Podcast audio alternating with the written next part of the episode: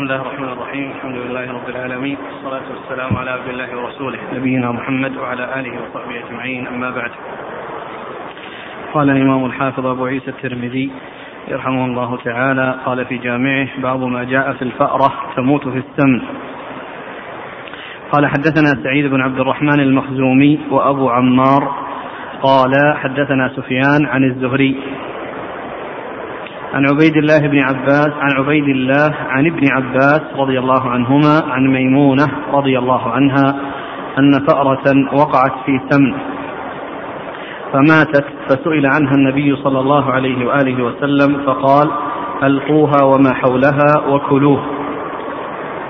قال وفي الباب عن أبي هريرة رضي الله عنه قال أبو عيسى هذا حديث حسن صحيح وقد روي هذا الحديث عن الزهري عن عبيد الله عن ابن عباس. أن النبي صلى الله عليه وآله وسلم سئل ولم يذكروا فيه عن ميمونة. وحديث ابن عباس عن ميمونة أصح.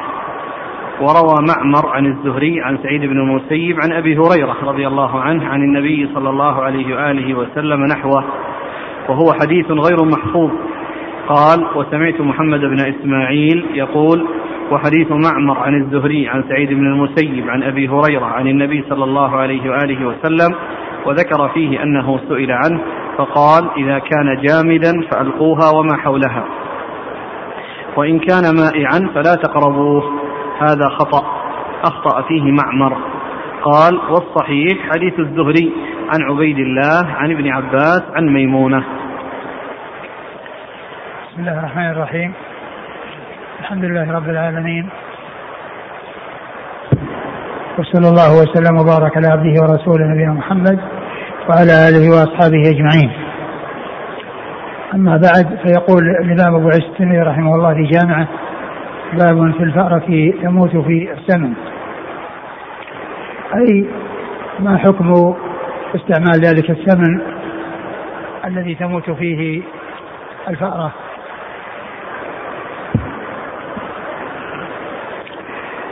وقد أورد أبو عيسى حديث ميمونة أم المؤمنين رضي الله تعالى عنها أن النبي صلى الله عليه وسلم سئل عن آه، سمن ماتت فيه فأرة فقال ألقوها وما حولها وكلوا سمنكم.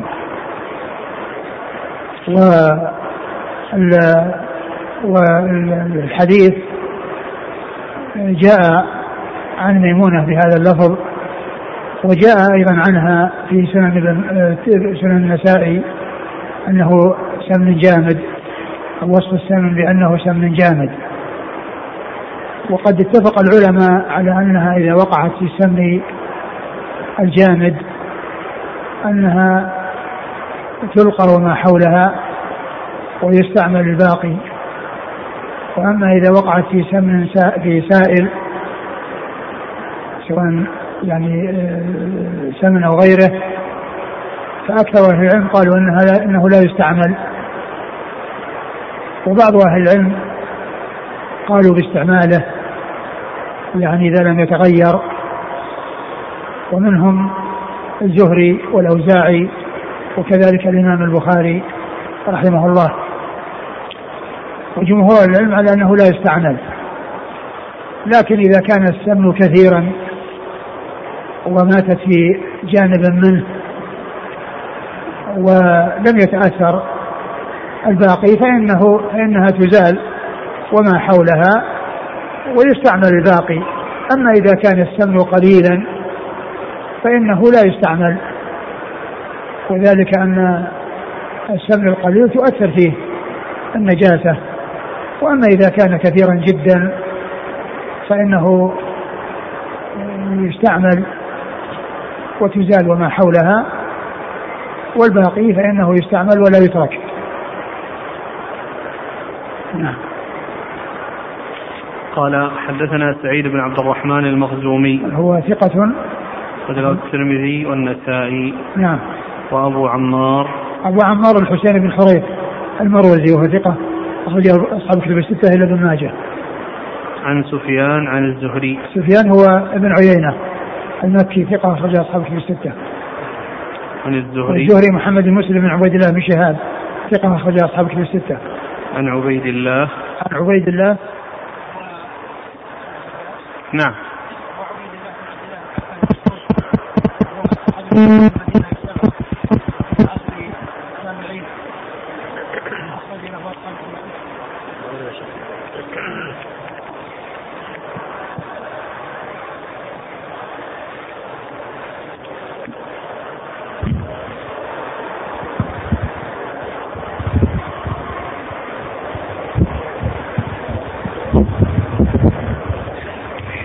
أخرج له أصحاب الكتب الستة. عن عبد الله بن عباس رضي الله تعالى عنهما أحد العبادلة الأربعة وأحد السبعة المكثرين من حديث رسول الله صلى الله عليه وسلم. عن ميمونة أم المؤمنين رضي الله عنها وقد أخرج حديثها أصحاب الكتب الستة نعم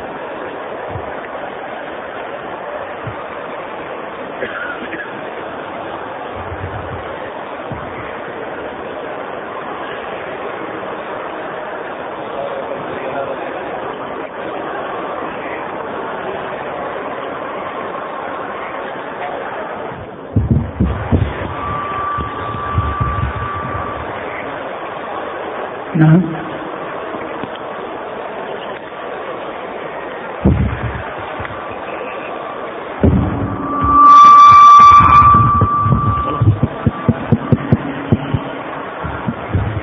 يقول وقد روي هذا الحديث عن الزهري عن عبيد الله عن ابن عباس أن النبي صلى الله عليه وسلم سئل لم يذكروا فيه عن ميمونة. آه وقد وقد روي. نعم. هذا الحديث عن الزهري عن عبيد الله عن ابن عباس أن النبي صلى الله عليه وسلم سئل ولم يذكروا فيه عن ميمونة.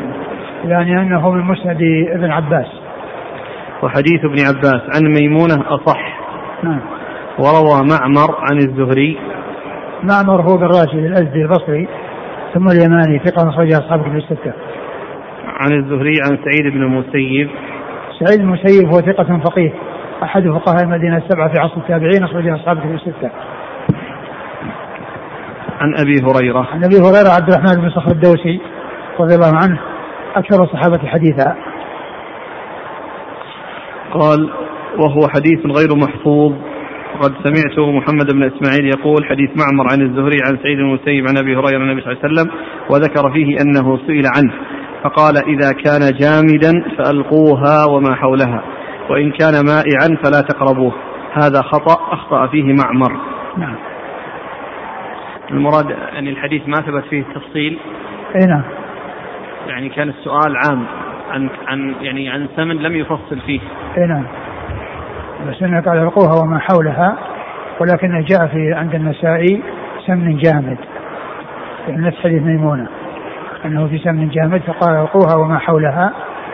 وهذا هو الذي يمكن أن يعني يكون آه لأن الذي حولها يعني إذا أخذ يكون الشيء الآخر الجامد لم تصل إليه النجاسة يعني من هذه الفأرة. لكنه إذا كان سائلا يمكن أن تمتد النجاسة إلى أماكن أخرى غير الأماكن التي يعني فيها النجاسة نعم. يقول السائل ما ضابط القلة والكثرة بالنسبة للثمن آه، كما هم قد يكون يعني قد يكون يعني وعاء كبير جدا وتكون الفأرة وقعت في جانبه ولم يتأثر يعني فيه يعني لا رائحة ولا لون ولا طعم ويعني ف يكون المكان الذي هو فيه هي فيه أجزاء وما حولها والباقي الكثير لا يتأثر والباقي الكثير لا يتأثر. وإذا كان السمن يعني كثير جدا كأن يكون يعني مثلا راوية أو يكون يعني مثلا مزادة أو يكون يعني هذه وقعت في جانب منه فإن يعني هذا تكون كثير كثير لا لا تؤثر فيه. وبعض أهل العلم يعني آه يعني آه يرى أنها تؤثر وأنه أو جمهور أهل العلم على أنها تؤثر وأنه لا يستفاد منه. يقول هذا السمن الذي سقطت فيه الفأرة هل يجوز الانتفاع به في غير الأكل كدفن السفن وغيرها من الاستعمالات أو لا يجوز مطلقا؟ بعض أهل العلم جازه وبعضهم منعه. وهذا مثل ما مثل ما تقدم في الحديث حديث جابر قال لا هو حرام. وبعض العلم قال إنه يعود إلى الانتفاع. وبعضهم قال إنه يعود إلى البيع.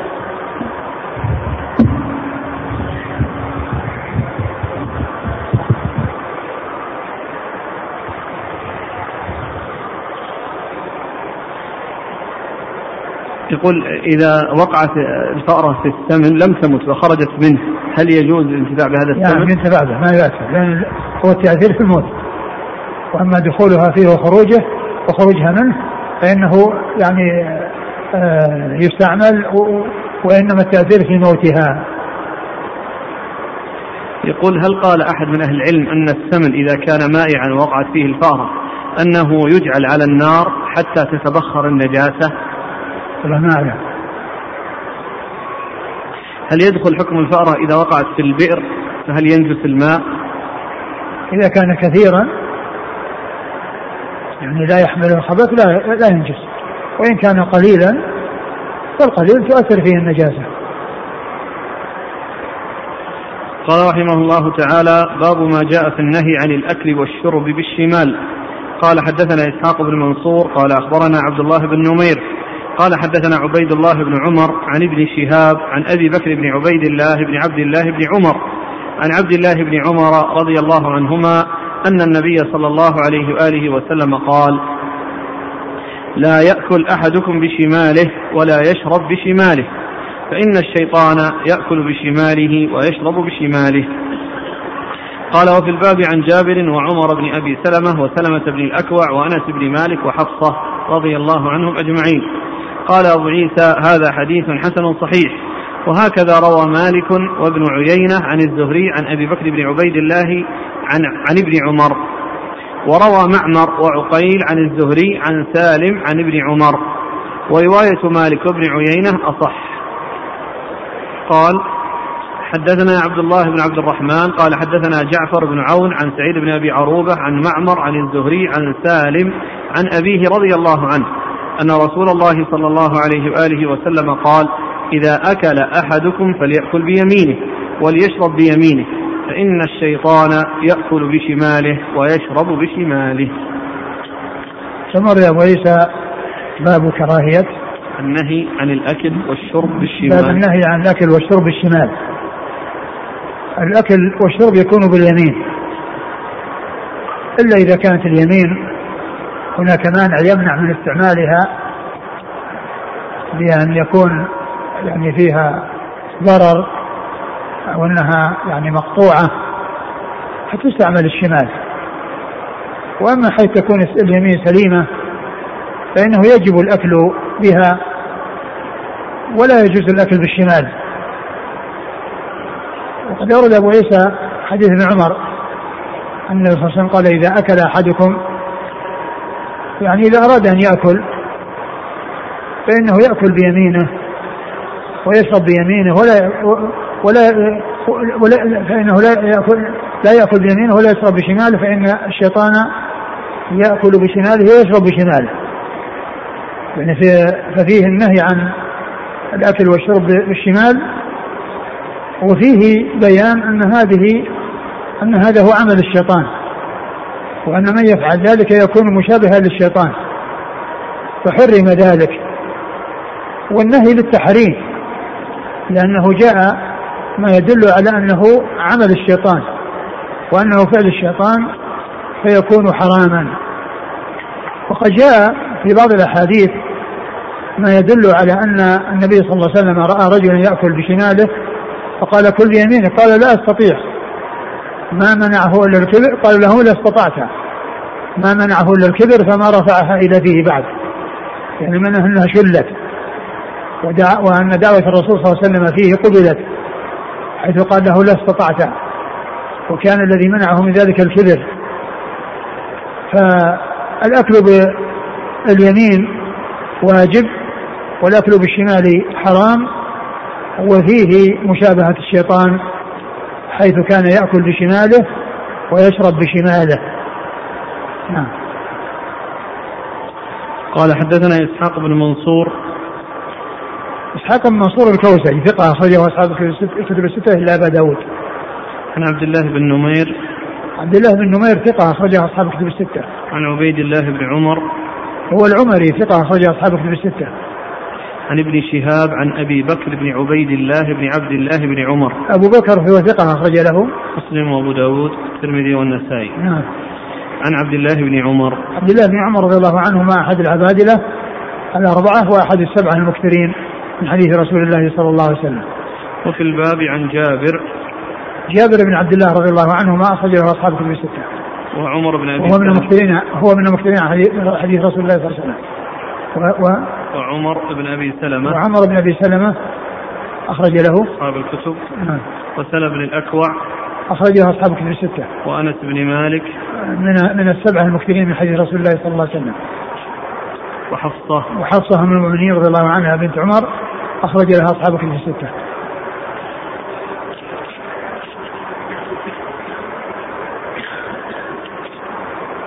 قال وهكذا روى مالك وابن عيينة عن الزهري.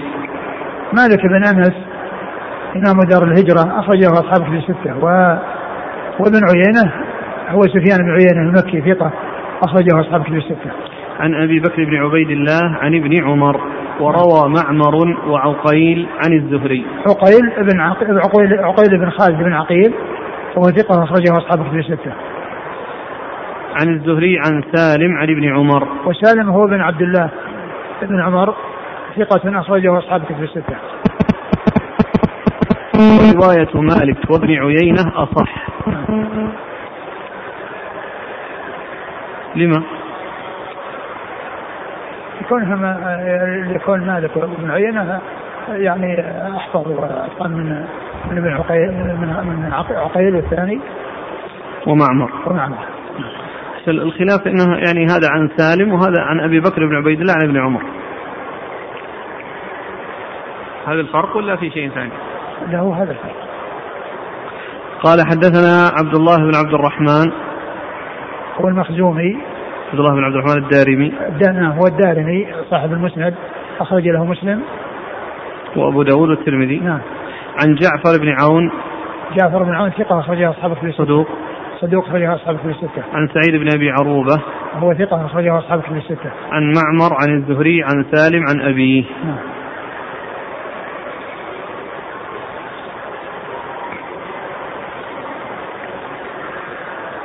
يقول إذا كانت اليمين مشغولة بأمر بأمر ما فهل يجوز الأخذ والإعطاء بالشمال في غير الأكل والشرب؟ آه آه يترك هذا الشغل الذي يكون في, اليمين وتستعمل آه، اليمين بدل الشمال. أما إذا كانت الشمال اليمين يعني معلولة فيها علة أو أنها يعني آه، آه، لا يستطيع أو ما يستطيع استعمالها لأمر يعني حصل لها فإنه يستعمل الشمال. وأما كون اليمين يعني يشغلها بشيء ثم يستعمل الشمال فليس له ذلك وإنما يترك هذا الشغل ما دام أنه يأكل ويشرب ثم بعد ذلك يرجع إلى مسك ما يريد مسكه باليمين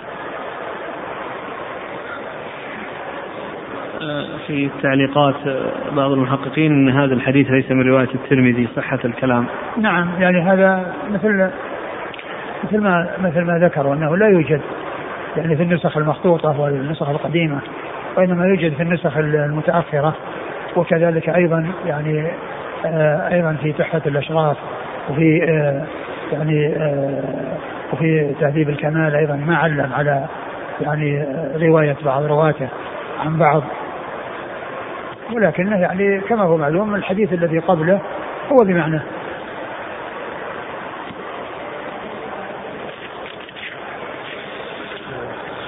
قال رحمه الله تعالى باب ما جاء في لعق الأصابع بعد الأكل.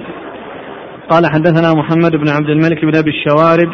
قال حدثنا عبد العزيز بن المختار عن سهيل بن أبي صالح عن أبيه عن أبي هريرة رضي الله عنه أنه قال قال رسول الله صلى الله عليه وآله وسلم إذا أكل أحدكم فليلعق أصابعه فإنه لا يدري في أيتهن البركة. قال وفي الباب عن جابر وكعب بن مالك وأنس رضي الله عنهم. قال أبو عيسى هذا حديث حسن غريب لا نعرفه إلا من هذا الوجه من حديث سهيل. وسألت محمدا عن هذا الحديث فقال هذا حديث عبد العزيز من المختلف لا يعرف إلا من حديثه. ثم ورد أبو عيسى باب في لعق الأصابع بعد الأكل. نعم. في لعق الأصابع بعد الأكل يعني بعد الفراغ منه. بعد الفراغ من الأكل يلعق أصابعه. ويعني هذا هدي رسول الله صلى الله عليه وسلم. فإنه كان يفعل ذلك ويأمر بذلك ويرشد إلى ذلك. صلوات الله وسلامه وبركاته عليه ويقول لا يعني فإنه لا يدرى في أيهن البركة أي في هذه الأصابع فهو يلعقها ومعنى ذلك أنه يستوفي الطعام الذي أكله والذي علق بأصابعه. وأيضا يعني لا يترك لعق الأصابع يعني آه، آه، تكبرا أو يعني لأمر يعني آه، يقتضي أنه يعني لا يفعله آه، لعدم آه، رغبته فيه. أو محبته له بل هذه سنة الرسول صلى الله عليه وسلم عليه أن يفعل ذلك وأن آه، يلعق أصابعه ولا يدري البركة في أي الأصابع. كما أنه لا يدرى البركة في يعني أي الطعام. فكذلك أيضا يعني هذا الذي علق بالأصابع فإن البركة قد تكون فيه وأن الله تعالى يبارك فيه لا سيما إذا كان الإنسان قصد اتباع السنة ومتابعة الرسول صلى الله عليه وسلم فيما جاء عنه من قوله وفعله عليه الصلاة والسلام.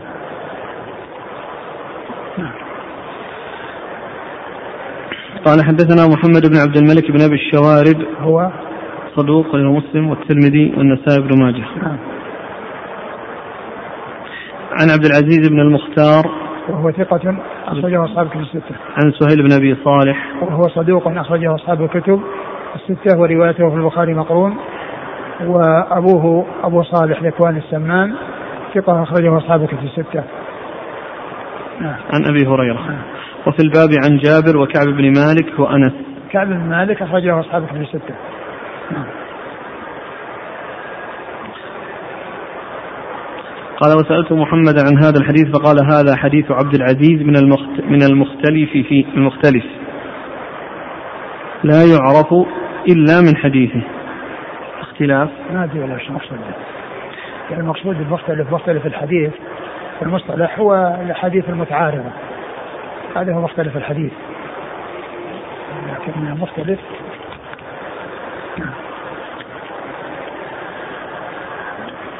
يقول السائل كيف يتأتى اللعق اليوم مع استعمال الملاعق؟ إذا كان الإنسان ما أكل بأصابعه يعني ما ما يلعق يعني المقصود هو العق ما يعلق بها. أما إذا كان أكل بالملعقة فإنه ما لا يبقى مجال للعق الأصابع لأن يعني ليس فيها طعام حتى يلعق. ليس فيها طعام حتى يلعق. وإنما تلعق الملعقة الذي علق بها يلعق. إذا علق الأكل بأصابع اليد اليسرى. كذلك يعني أو إذا وصل إلى اليد اليسرى كذلك أيضا يلعق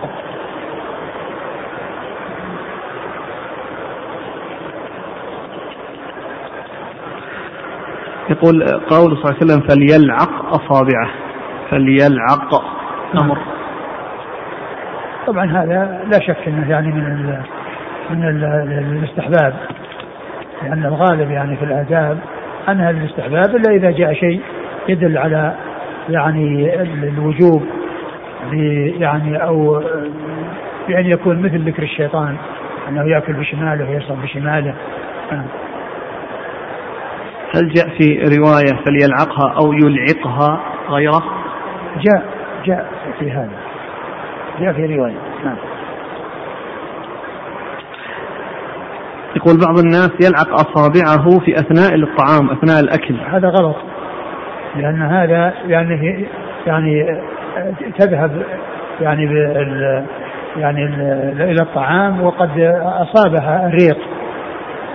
فهذا لا يصلح وإنما يكون في آخر الطعام بعد الأكل. ما هو يعني في أثناء الأكل وإنما بعد الأكل بعد الفراغ منه. لأنه بعد قبل الفراغ منه هي نفسها سيحصل الطعام. سيحصل الطعام بها وسيعلق بها الطعام. فلعقها ما في حاجة ما في فائدة منه لأنه سيرجع إلى الطعام وسيعلق بها الطعام. أما في آخر الأمر ما راح يعلق بها طعام وإنما يلعق هذا الذي علق بها. يقول إذا كان إذا كان إذا كان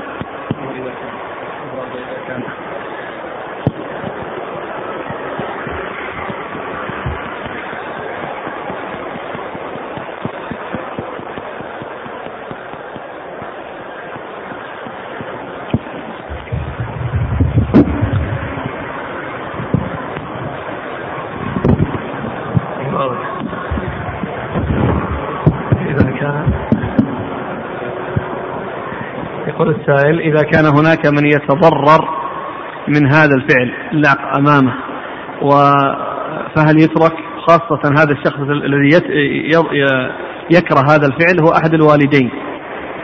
والله الوالد الذي يعني يكره هذا الشيء يعلم السنة ويعني وينبه إليها وأن عليه أن يتبعها. ولا تترك السنة من أجل أن بعض الناس يعني يكره يعني هذا الشيء اللي جاءت به السنة. بل الواجب عليه أن يعني أن يقدر السنة ويعني يعظم السنة وأن من فعل ذلك فإنما يفعله اقتداء بالرسول صلى الله عليه وسلم واتباعا للرسول صلى الله عليه وسلم. فلا يترك العقل اصابع يعني في آخر الأمر. يعني نعم في أثناء الأمر نعم لا يلعق. في أثناء الاكل أما في الآخر فإنه يلعق. ويعني وعليه أن ينبه أباه إن هذه السنة وهذا هو الذي فعله الرسول صلى الله عليه وسلم وأرشد إليه وأن المسلم من شأنه أن يكون متبعا لرسوله صلى الله عليه وسلم. هذا يقول أيهما أفضل الأكل باليد أو بالملعقه باعتبار أنها تمسك بثلاث. وهذا يسأل عن صحة ما نقل. أو يتناقل أن الشيخ الألباني يقول الأكل بالملعقة أقرب إلى السنة من الأكل لأنه يكون بثلاث أصابع.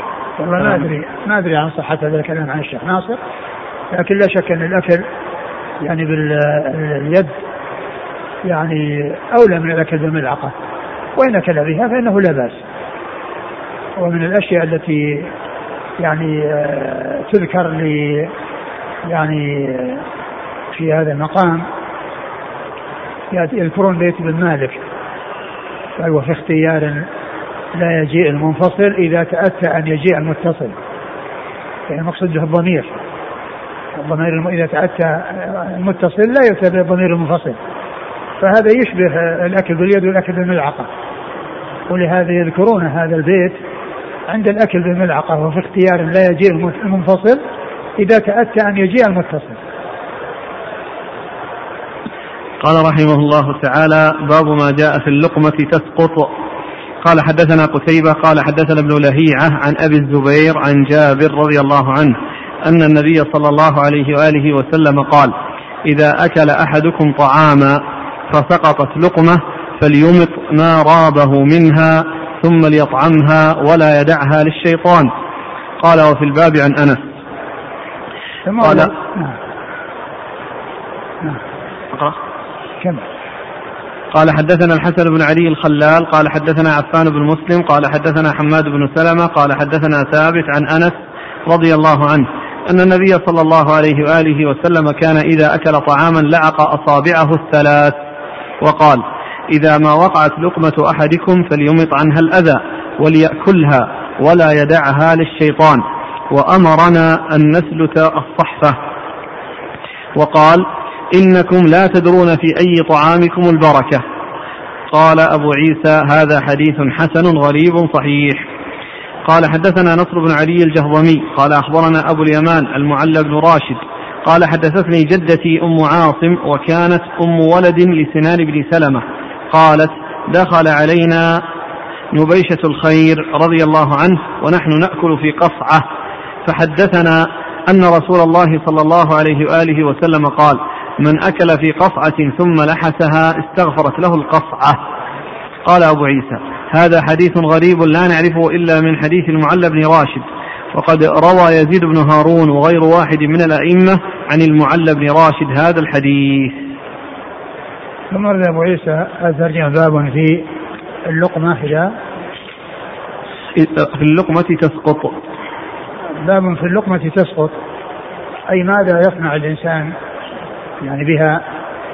والمقصود والذي أورده المصنف من الأحاديث في هذا هذه الترجمة أن الإنسان يأخذ يعني هذه اللقمة ويميط ما بها من أذى ثم يستعملها ولا يتركها للشيطان. وهذا فيه بيان يعني المحافظة على الطعام وعدم يعني إضاعته وأن الإنسان يعني لا يتقدر من الشيء الذي يقع في الأرض. بل الذي يمس الأرض والذي يصيب الأرض يزال ويترك ويرمى والذي آه، هو سليم يأكله الإنسان ولا يترك ذلك للشيطان. وقد أورد أبو عيسى هذه هذا الحديث يعني آه، آه، أو هذه الأحاديث الدالة على فعله وعلى يعني قوله يعني فيما يتعلق بلعق الأصابع وفيما يتعلق بكذلك وأيضا يعني ما جاء عنه في قضية اللقمة إذا سقطت وأنه يماط ما بها من أذى ثم يستعمل الإنسان الباقي السليم النظيف ولا يتركه للشيطان. والحديث الأخير الذي قال أنه يسلك الصحفة وأن الصحفة تستغفر له هذا الحديث في إسناده آه، المعلى وهو مقبول وكذلك المرأة التي يروي عنها وهي أيضا مقبولة. ويعني ليس لهم متابع يعني على ذلك في إثبات قضية استغفار الصحفة. وأما قضية اللعق فإنه ثابت بالأحاديث المتعددة أن الإنسان يعني يلعق الصحفة وأنه لا يدري في طعام البركة. وأما كون الصحفة تستغفر فإنه جاء من هذا الطريق الذي ليس له متابع. نعم. اقرأ المتن الأول عن جابر إذا أكل أحدكم طعاما فسقطت لقمته فسقطت لقمة فليمط ما رابه منها ثم ليطعمها ولا يدعها للشيطان. عن أنس أن النبي صلى الله عليه وسلم كان إذا أكل طعاما لعق أصابعه الثلاث. وقال إذا وقعت لقمة أحدكم فليمط عنها الأذى وليأكلها ولا يدعها للشيطان. وأمرنا أن نثبت الصحفة. وقال إنكم لا تدرون في أي طعامكم البركة. يعني هذا أيضا سلت الصحفة وهي سلتها بالأصبع يعني بحيث يعني يستخرج ما علق بها من الطعام فيأكله الإنسان وينظفها بإصبعه حيث يسلتها فيه ويأكل ذلك. فتكون الصحفة نظيفة يعني أخذ ما فيها وسلت بالإصبع. واستعمل وقد لا تدرون في أي طعام يكون البركة. يعني وقد تكون البركة في هذا الذي يسلت من الصحفة ويكون هو آخر الطعام فتكون البركة فيه. الحديث الأخير نبيشة عن نبيشة الخير رضي الله عنه قال صلى الله عليه وسلم من أكل في قصعة ثم لحسها استغفرت له القصعة. نعم. قال في الإسناد الأول حدثنا قتيبة وقتيبة بن سعيد بن جميل ثقة أخرجه أصحاب كتب الستة. عن ابن لهيعة. ابن لهيعة عبد الله بن لهيعة. وهو صدوق اختلط لما احترقت كتبه ومن روى عنه قبل الاختلاط يعني فهو معتبر. وقتيبة ممن روى عنه قبل الاختلاط. وأخرج حديثه.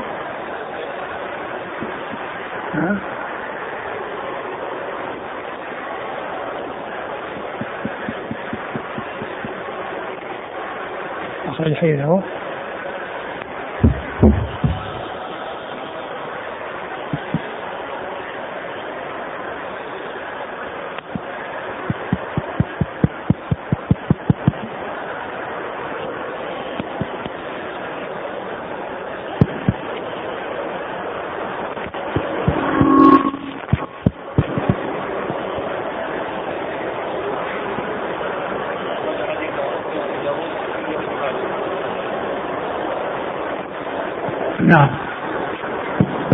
عن أبي الزبير أبو الزبير محمد بن مسلم بن تدرس المكي صدوق أخرج له أصحاب كتب الستة. عن جابر عن جابر رضي الله عنه أخرج وهو أحد السبع المكثرين مكثرين من حديث رسول الله صلى الله عليه وسلم. قال حدثنا الحسن بن علي الخلال هو الحلواني وهو ثقة أخرجه أصحاب الكتب الستة إلا النسائي. عن عفان بن مسلم وهو الصفار وهو ثقة أخرجه أصحاب الكتب الستة. محمد بن سلمة ثقة أخرجه البخاري تعليقا ومسلم وأصحاب السنن. عن ثابت ثابت بن أسلم البناني ثقة أخرجه أصحاب الكتب الستة. عن أنس عن أنس رضي الله عنه خادم رسول الله صلى الله عليه وسلم وأحد المكثرين من حديثه. قال حدثنا نصر بن علي الجهضمي هو ثقة أخرجه أصحاب الكتب الستة. عن أبي اليمان المعلى بن راشد وهو مقبول أخرج له. الترمذي وابن ماجه. نعم. عن جدته أم عاصم. وهي مقبولة أخرج لها. الترمذي وابن ماجه. نعم. عن نبيشة الخير. أخرج له. مسلم وأصحاب السنن. نعم.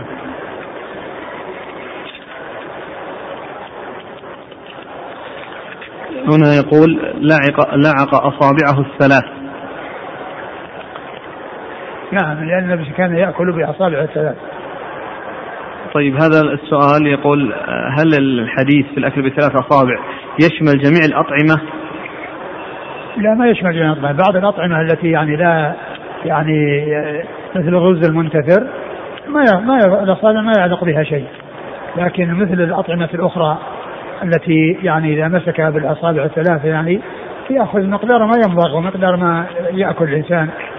يعني وأما بعض الأطعمة مثل الرز إذا كان يعني منتثرا ليس ملتبدا فإنه لا يعلق بالأصابع شيء.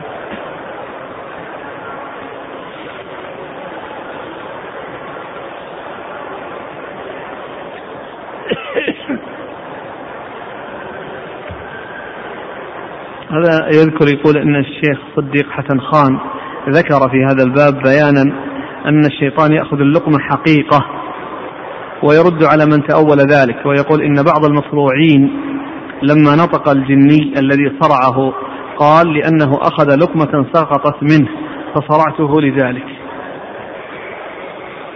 قضية ال- الحقيقة نعم هو الأصل أنه يحمل على الحقيقة ولا يحمل على غيرها. والشيطان يعني يأكل ويشرب وهو يأكل بشماله ويشرب بشماله وكذا وذلك حقيقة. وأما قضية أن يكون حصل يعني هذه القصة هذه هل هي صحيحة ولا صحيحة؟ لا ندري.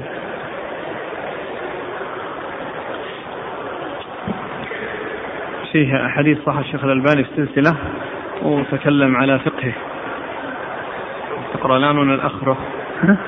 في حديث صححه الشيخ الألباني في لعق الأصابع ولعق الصحفة نعم. والأكل بالثلاث.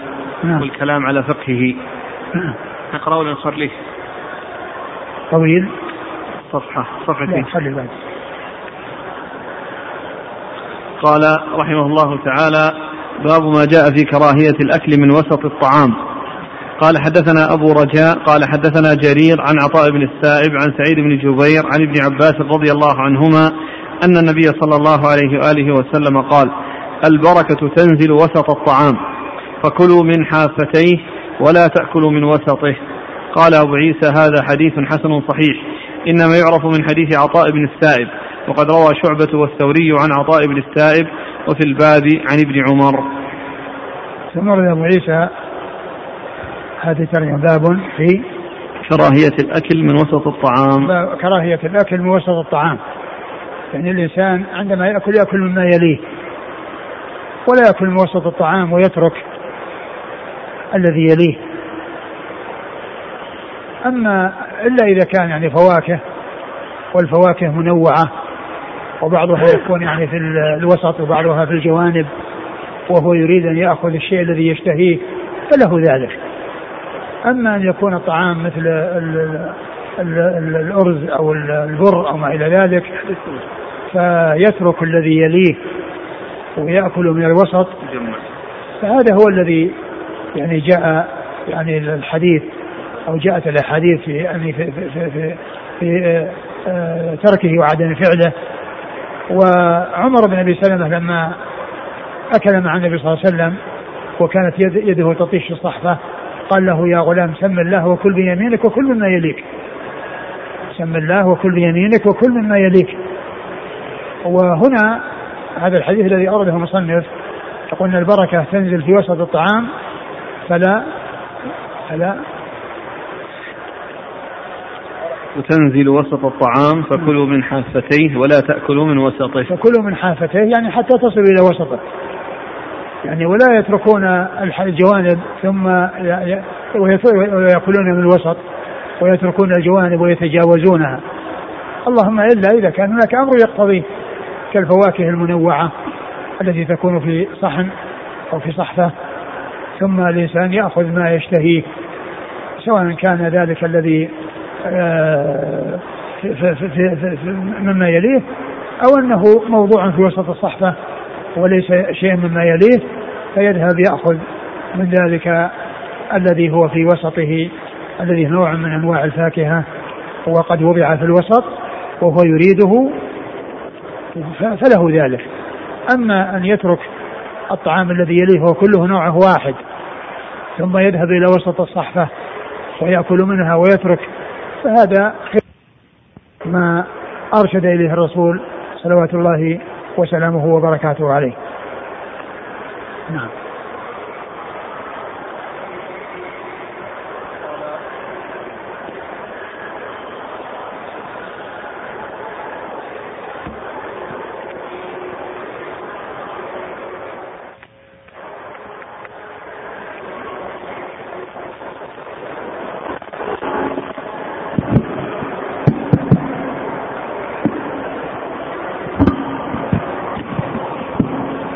قال حدثنا أبو رجاء. أبو رجاء هو قتيبة بن سعيد. أبو رجاء هو قتيبة بن سعيد وهذه كنيته. وهو مشهور باسمه وكنيته لا يذكر بها. وقد جاء في هذا الموضع بها في كنيته أبو رجاء. وهو قتيبة كما في تحفة الأشراف. فإنه ذكر الحديث عن قتيبة. وأبو رجاء هي كنية قتيبة وهذا مما يعني من أنواع علوم الحديث. أن تعرف كنى أسماء كنى أصحاب الأسماء. وفائدة معرفتها أن لا يظن الشخص الواحد شخصين. بأن يظن أن أبو رجاء شخص وقتيبة شخص.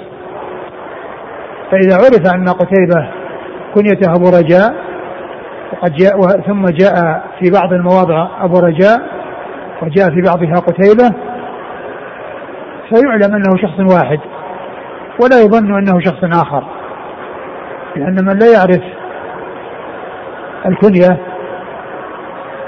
و يعني يرى أنه إذا وجد الرجل مكنن وغير مسمى يظن أن هذا غير هذا. نعم. عن جرير. جرير هو ابن عبد الحميد الضبي الكوفي ثقة أخرجه أصحاب كتب الستة. عن عطاء بن السائب. عطاء بن السائب هو آه ثقة. صدوق اختلط. صدوق اختلط ومن روى عنه عبد قبل الاختلاط روايته صحيحة وجرير هذا ممن روى عنه بعد الاختلاط. لكن لا يؤثر لأنه رواه شعبة وغيره وهم من رووا عنه قبل الاختلاط ورواية شعبة الحديث عند أبي داود لأن شعبة يروي عن عطاء بن سائب هذا الحديث عند أبي داود. فإذا كونه جاء من رواية جرير وهو من روى عنه قبل بعد الاختلاط لا يؤثر لأنه قد جاء ممن روى عنه قبل الاختلاط ومنهم شعبة. نعم. عن سعيد بن جبير سعيد بن جبير ثقة أخرجه أصحاب كتب الستة. عن ابن عباس. نعم. وروى شعبة والثوري عن عطاء بن السائب. نعم وهؤلاء روى عنه قبل الاختلاف. نعم. يقول السائل ألا يكون هناك تعارض فيما يظهر فإنه هنا سبق فإنه لا يدري في أيتها البركة أو في أي طعامكم البركة وهنا ذكر أن البركة تنزل وسط الطعام الرسول يعني أمر ب يعني لعق الأصابع لعق الصحفة وقال لا يدرى في أي البركة يعني قد تكون في آخره ومن المعلوم أن الوسط يعني يكون في الآخر عندما يؤكل لا يؤكل في الأول فالإنسان يأكل حتى يصل إليه فإن يعني يأكل حتى يصل نعم. مثل ما أن الإنسان يأكل حتى يصل إلى آخر الطعام. يقول إذا كان ما في وسط الصحفة ألذ مما يليني كأن يكون الطعام منوع. أنا أجبت لأنه إذا كان منوع أو مثلا كان ال ال يعني الطعام يعني فيه رز مثلا في الصحفة كلها وفي وسطها يعني لحم أو يعني شيء من ذلك هذا هو يصل. وإنما الكلام إذا كانت نوع واحد. وهذا يقول إذا كان الطعام نوع واحد لكن بعضه رطب وبعضه قاسي وبعضه لين مثل فهل أتناول لين؟ على كل يأكل مما يليه يأكل الإنسان مما يليه إلا إذا كان منوع يعني بأن يكون يعني مثلا وعاء واحد يعني في عدة آه، أنواع يعني كال كالوعاء الذي يكون مقسم يعني مقاسم وأن في هذا في كذا وهذا في كذا وفي كذا فله أن يأخذ من أي يعني قسم من هذه الأقسام. أه، تبويب الترمذي في الكراهة على ما تحمل كراهة الأكل من وسط الطعام.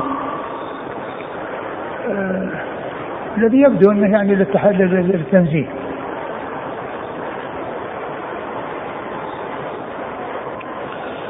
هل هذا النهي يشمل ما لو أكل الإنسان لوحده والطعام خاص به؟ ولو كان. لأن لأن الطعام يعني هذا الذي يتركه يعني قد يعني يطعم لغيره فإذا أكل من من من جوانبه يكون قد استعمله وقد يعني غيره لا يشتهيه أو لا يعجبه. وأما إذا أكل منه ويعني مما يليه ثم أعطي لغيره دون أن يستعمل من جميع الجوانب فذلك أدعى لأن يستعمله غيره.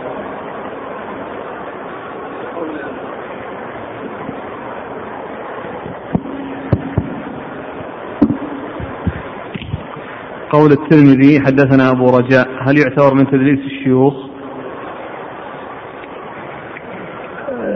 تدريس الشيوخ إذا كان ممن ممن حصل أو عرف بتدريس الشيوخ يكون.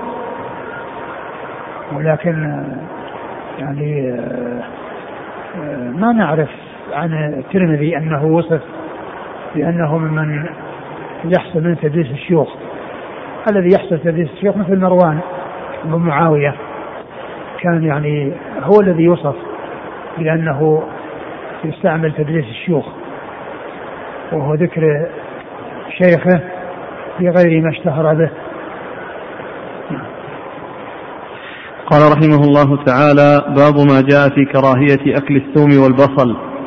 قال حدثنا إسحاق بن منصور قال أخبرنا يحيى بن سعيد القطان عن ابن جريج قال حدثنا عطاء عن جابر رضي الله عنه أنه قال قال رسول الله صلى الله عليه وآله وسلم من أكل من هذه قال أول مرة الثوم ثم قال الثوم والبصل والكراث فلا يقربنا في مسجدنا. قال أبو عيسى هذا حديث حسن صحيح. قال وفي الباب عن عمر وأبي أيوب وأبي هريرة وأبي سعيد وجابر بن سمرة وقرة بن إياس المزني وابن عمر رضي الله عنهم أجمعين. ثم أبو عيسى باب كراهية أكل الثوم والبصل. باب كراهية أكل الثوم والبصل. والمقصود بالكراهة هنا كراهة التنزيه لأن أكل الثوم والبصل في حد ذاته غير ممنوع بل هو مما أحل الله عز وجل ولكن الممنوع منه رائحته يعني حيث يتصل بالناس أو يختلط بالناس وهم يتعدون فإن يعني ذلك ليس ليس له أن يأكل ثم يخرج إلى الناس. أما إذا أكله في وقت يعني لا يتأذى يعني ثم يخرج لا يتأذى بأن يكون ذهبت رائحته أو أكل بعده شيئا أزالها فإنه لا بأس بذلك لأنه مما أحله الله مما مما أحله الله ومما أباحه الله فأكله سائر. ولكن الممنوع فيه أو المحذور فيه الإيذاء للملائكة والآدميين عندما يأتي إلى المساجد أو يأتي كذلك إلى الأماكن التي أماكن عبادة أو يأتي إلى أماكن تجمعات الناس ويؤذيهم برائحته الكريهة. فإن المحذور هو من هذه الجهة لا من جهة أكله لا من جهة أكله فإن أكله مباح وأكله حلال ولا بأس بذلك. وقد أورد أبو عيسى هذا الحديث أن النبي صلى الله عليه وسلم قال من أكل يعني ثوما أو بصلا أو كراثا فلا يقربنا فلا يقرب لا يقربنا. فلا يقربنا في مسجدنا. فلا يقربنا في مسجدنا. وقوله فلا يقربنا في مسجدنا قيل إن مسجد هذه يعني يراد بها مسجد صلى الله عليه وسلم. وقيل إنه يراد انها اسم مفرد مضاف إلى معرفة فيراد به الجنس. يعني اللي هو جنس المساجد. وقد جاء في بعض الروايات في صحيح مسلم فلا يقربن المساجد. يعني بلفظ العموم. ولا شك أن أن اقتصار أو قصر ذلك على مسجد معين يعني غير غير مستقيم وغير واضح وإنما العلة والحكمه هي دفع الأذى والأذى يحصل في جميع المساجد وليس في مسجد معين. ثم أيضا بعض الأحاديث جاءت في التعميم وبلفظ المساجد فلا يقربن المساجد. فليس الأمر مقصورا على مسجده صلى الله عليه وسلم. وإنما الحكم فيه وفي غيره من المساجد والحديث الذي ورد بلفظ المساجد وهذا الحديث يمكن أن يفسر بما يطابق المساجد أو لفظ المساجد من جهة أنه الاسم المفرد إذا أضيف إلى معرفة فإنه يعم. مثل قول الله عز وجل آآ آآ وإن تعدوا وإن تعدوا نعمة الله لا تحصوها أي النعم أي نعم الله ومثل قراءة قول قراءة قول عز وجل ومريم عمران التي أحسن فرجها فنفخنا فيه وصدقت كلمات ربها وكتابه على قراءة جمهور القراء فإن جمهورهم كتابه. والمقصود بالكتاب هو مثل الكتب مثل قراءة الكتب كما في القراءة التي في المصحف الذي بين أيدينا وكتبه فإن قراءة كتابه هي مثل كتبه لأنه اسم مفرد أضيف إلى معرفة فيفيد العموم. اسم مفرد أضيف إلى معرفة فيفيد العموم. وكذلك هنا مسجدنا يكون لفظ مفرد أضيف إلى معرفة فيفيد العموم ويكون مثل رواية المساجد. قال حدثنا إسحاق بن منصور عن يحيى بن سعيد القطان. يحيى بن سعيد القطان ثقة أخرجه أصحاب كتب الستة. عن ابن جريج. عبد الملك بن عبد العزيز بن جريج ثقة أخرجه أصحاب أصحاب كتب الستة. عن عطاء عن جابر. عطاء بن أبي رباح ثقة أخرجه أصحاب كتب الستة وجابر مر ذكره. وفي الباب عن عمر وأبي أيوب. عمر بن الخطاب رضي الله تعالى عنه أمير المؤمنين وثاني الخلفاء الراشدين الهادين المهديين صاحب المناقب الجمة والفضائل الكثيرة وحديثه عند أصحاب كتب الستة وأبو أيوب هو الأنصاري خالد بن زيد أخرج له أصحاب كتب الستة. وأبي هريرة وأبي سعيد. نعم. وجابر بن سمرة. جابر بن سمرة أخرجه أصحاب كتب الستة. وقرة بن إياس المزني. أخرج له. بخاري في المفرد وأصحاب السنن. نعم. وابن عمر. قال حدثنا محمود بن غيلان قال حدثنا أبو داود قال أنبأنا شعبة عن سماك بن حرب أنه سمع جابر بن سمرة رضي الله عنه يقول نزل رسول الله صلى الله عليه وآله وسلم على أبي أيوب رضي الله عنه وكان إذا أكل طعاما بعث إليه بفضله فبعث إليه يوما بطعام ولم يأكل منه النبي صلى الله عليه وآله وسلم. فلما أتى أبو أيوب النبي صلى الله عليه وآله وسلم فذكر ذلك له فقال فيه ثوم. فقال يا رسول الله أحرام هو؟ قال لا ولكني أكرهه من أجل ريحه. قال أبو عيسى هذا حديث حسن صحيح. وهذا الحديث يبين أن أكل الثوم والبصل والكراث أنه حلال وأنه ليس بمحرم. لأن الرسول قال حرام هو قال لا ولكني أكره من أجل ريحه. فإذا المحذور فيه الريح وليس المحذور أصل الطعام. وأصل يعني هذه الشجرة. فإنها مما أحله الله عز وجل. وهذا يبين أن أن الكراهة أنها للتنزيه وأنها ليست للتحريم. والرسول صلى الله عليه وسلم لما قدم المدينة نزل ضيفا على أبي أيوب الأنصاري. قبل أن يبني مسجده والحجرات التي بجواره وكان ضيفا عنده في منزله يعني سكن في معه في بيته يعني في جهة منه وكان يعني جاء في بعض الروايات انه من طابقين فكان يعني في أحدهما رسول الله صلى الله عليه وسلم كان في الأول ثم بعدين جعله جعله فوق ولما بنى الرسول صلى الله عليه وسلم حجراته بجوار مسجده انتقل إليها عليه الصلاة والسلام. وكان أبو أيوب يعني يصنع طعاما ويعطي يعني آه، آه، يعني الرسول صلى الله عليه وسلم شيئا منه. وكان في يوم من الأيام كان فيه ذوم أو بصل فالرسول ما أكله. فسأله أو استفسر أبو أيوب رضي الله عنه من الرسول صلى الله عليه وسلم وقال احرام هو يعني بين عدم السبب في عدم أكله؟ فقال احرام هو قال لا. ولكن ولا ولكني أكره من أجل رائحته. فدل هذا على أن المحذور فيه الرائحة وأن أكله مباح. يعني إذا لم يكن مختلطا بأحد من الناس.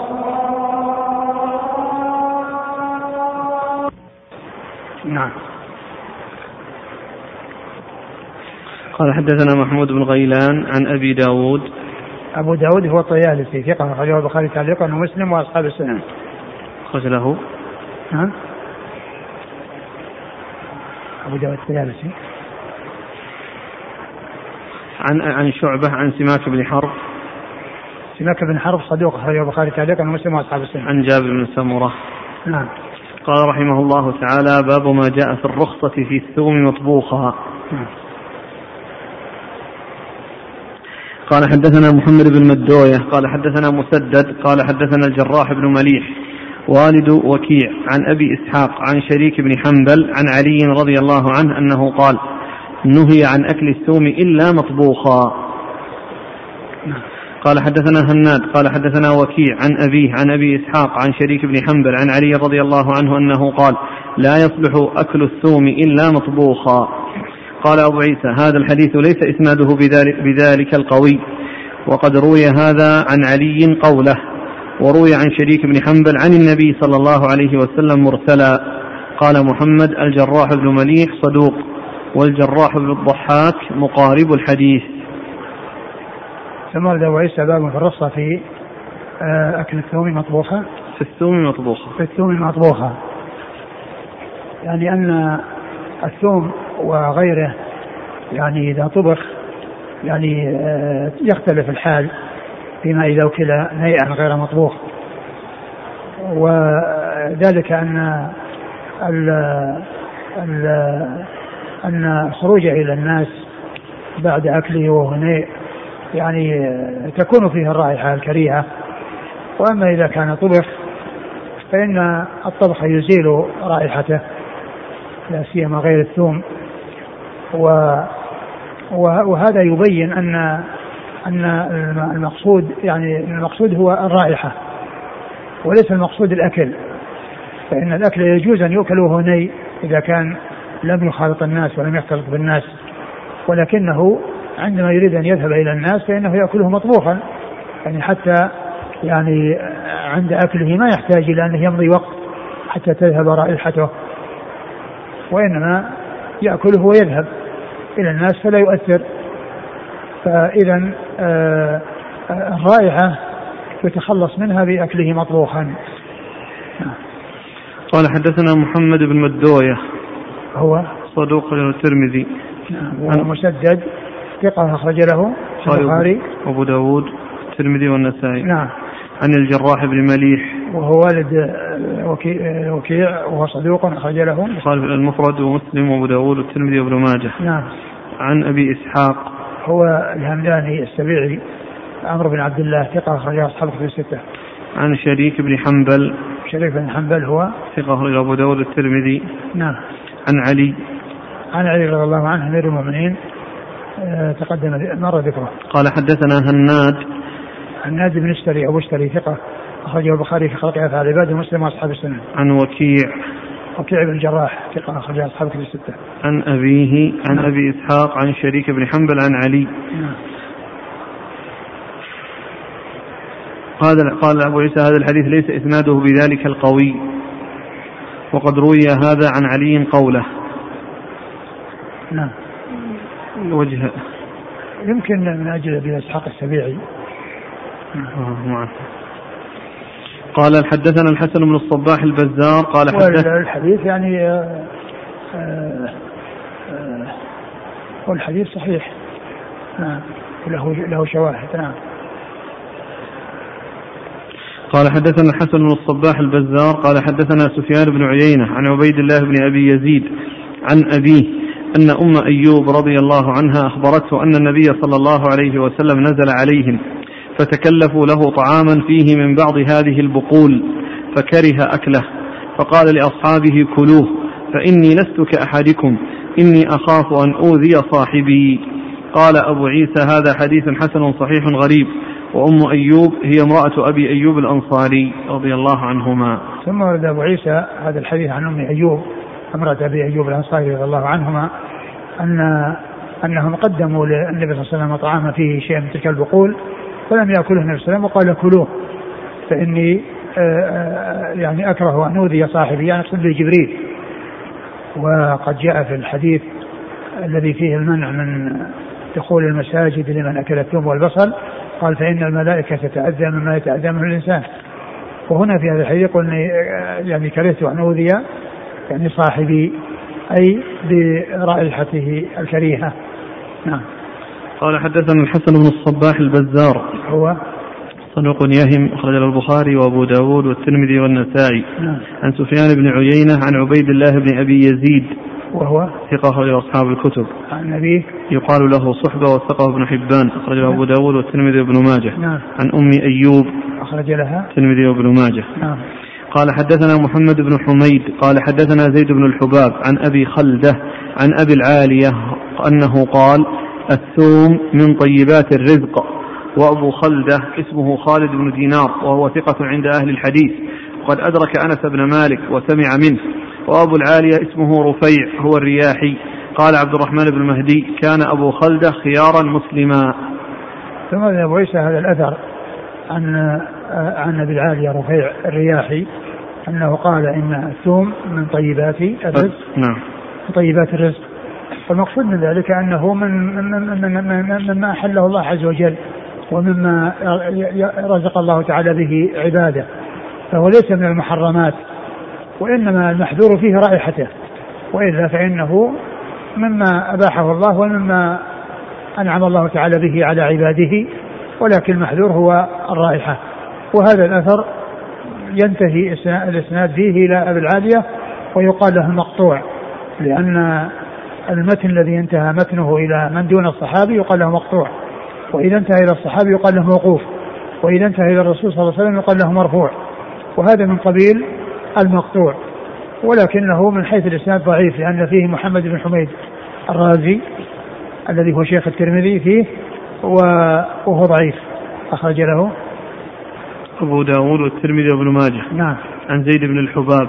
وهو؟ صدوق البخاري في القراءة ومسلم وأصحاب السنن. وأبو خلدة صدوق رجل البخاري وأبو داود والترمذي والنسائي. نعم وأبو العالية. نعم. ثقة أخرج أصحاب الكتب. نعم. انتهى. نعم. والله تعالى أعلم وصلى الله وسلم وبارك على نبينا نبينا محمد وعلى آله وأصحابه أجمعين. جزاكم الله خيرا وبارك الله فيكم ونفعنا الله بما سمعنا وغفر الله لنا ولكم وللمسلمين أجمعين. يقول السائل يكثر عند الناس اليوم في موائدهم أن كل شخص يضع لنفسه شيئا من الأكل في صحنه. والحكمة كما يقولون عدم السرف وتضييع الأكل الباقي والاحتفاظ به. فهل هذا جائز أم أن السنة الاجتماع على صحن واحد؟ والله الاجتماع لا شك أن هذا هو الذي كان الرسول صلى الله عليه وسلم يفعله وأصحابه. وإذا كان الناس يعني وضعوا الطعام وكل يغرف له منه على قدر حاجته لا بأس بذلك. يمكن أن يوضع وكل يغرف له ويأخذ منه ويبقى الباقي يعني آه، يستعمل. لا بأس بذلك لأن هذا مثل مثل مثل كونهم يأكلون منه كونه يعني يغرف له في في وعاء ثم يستوعبه وينتهي منه ثم يأخذ زيادة. فهذا من جنس يعني كونهم يأكلون من نفس الصحن الواحد. يعني بأيديهم. يعني لا بأس بذلك. يقول هل الحكم خاص فقط بالمسجد النهي لمن أكل الثوم لا ليس خاص المسجد لكن المسجد هو هو الأولى والأحق بأن يعني ينزه يعني عن وجود مثل هذه الروائح. وإلا فإن فإن تأدي الآدميين يكون في المسجد وغير المسجد في المجامع التي يجتمع فيها الناس.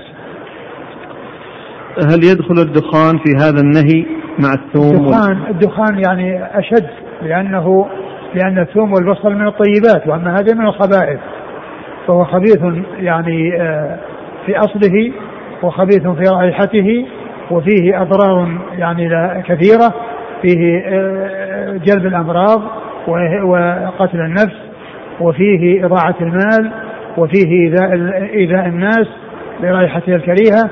فهو أشد منها لأنه من الخبائث وهي من الطيبات.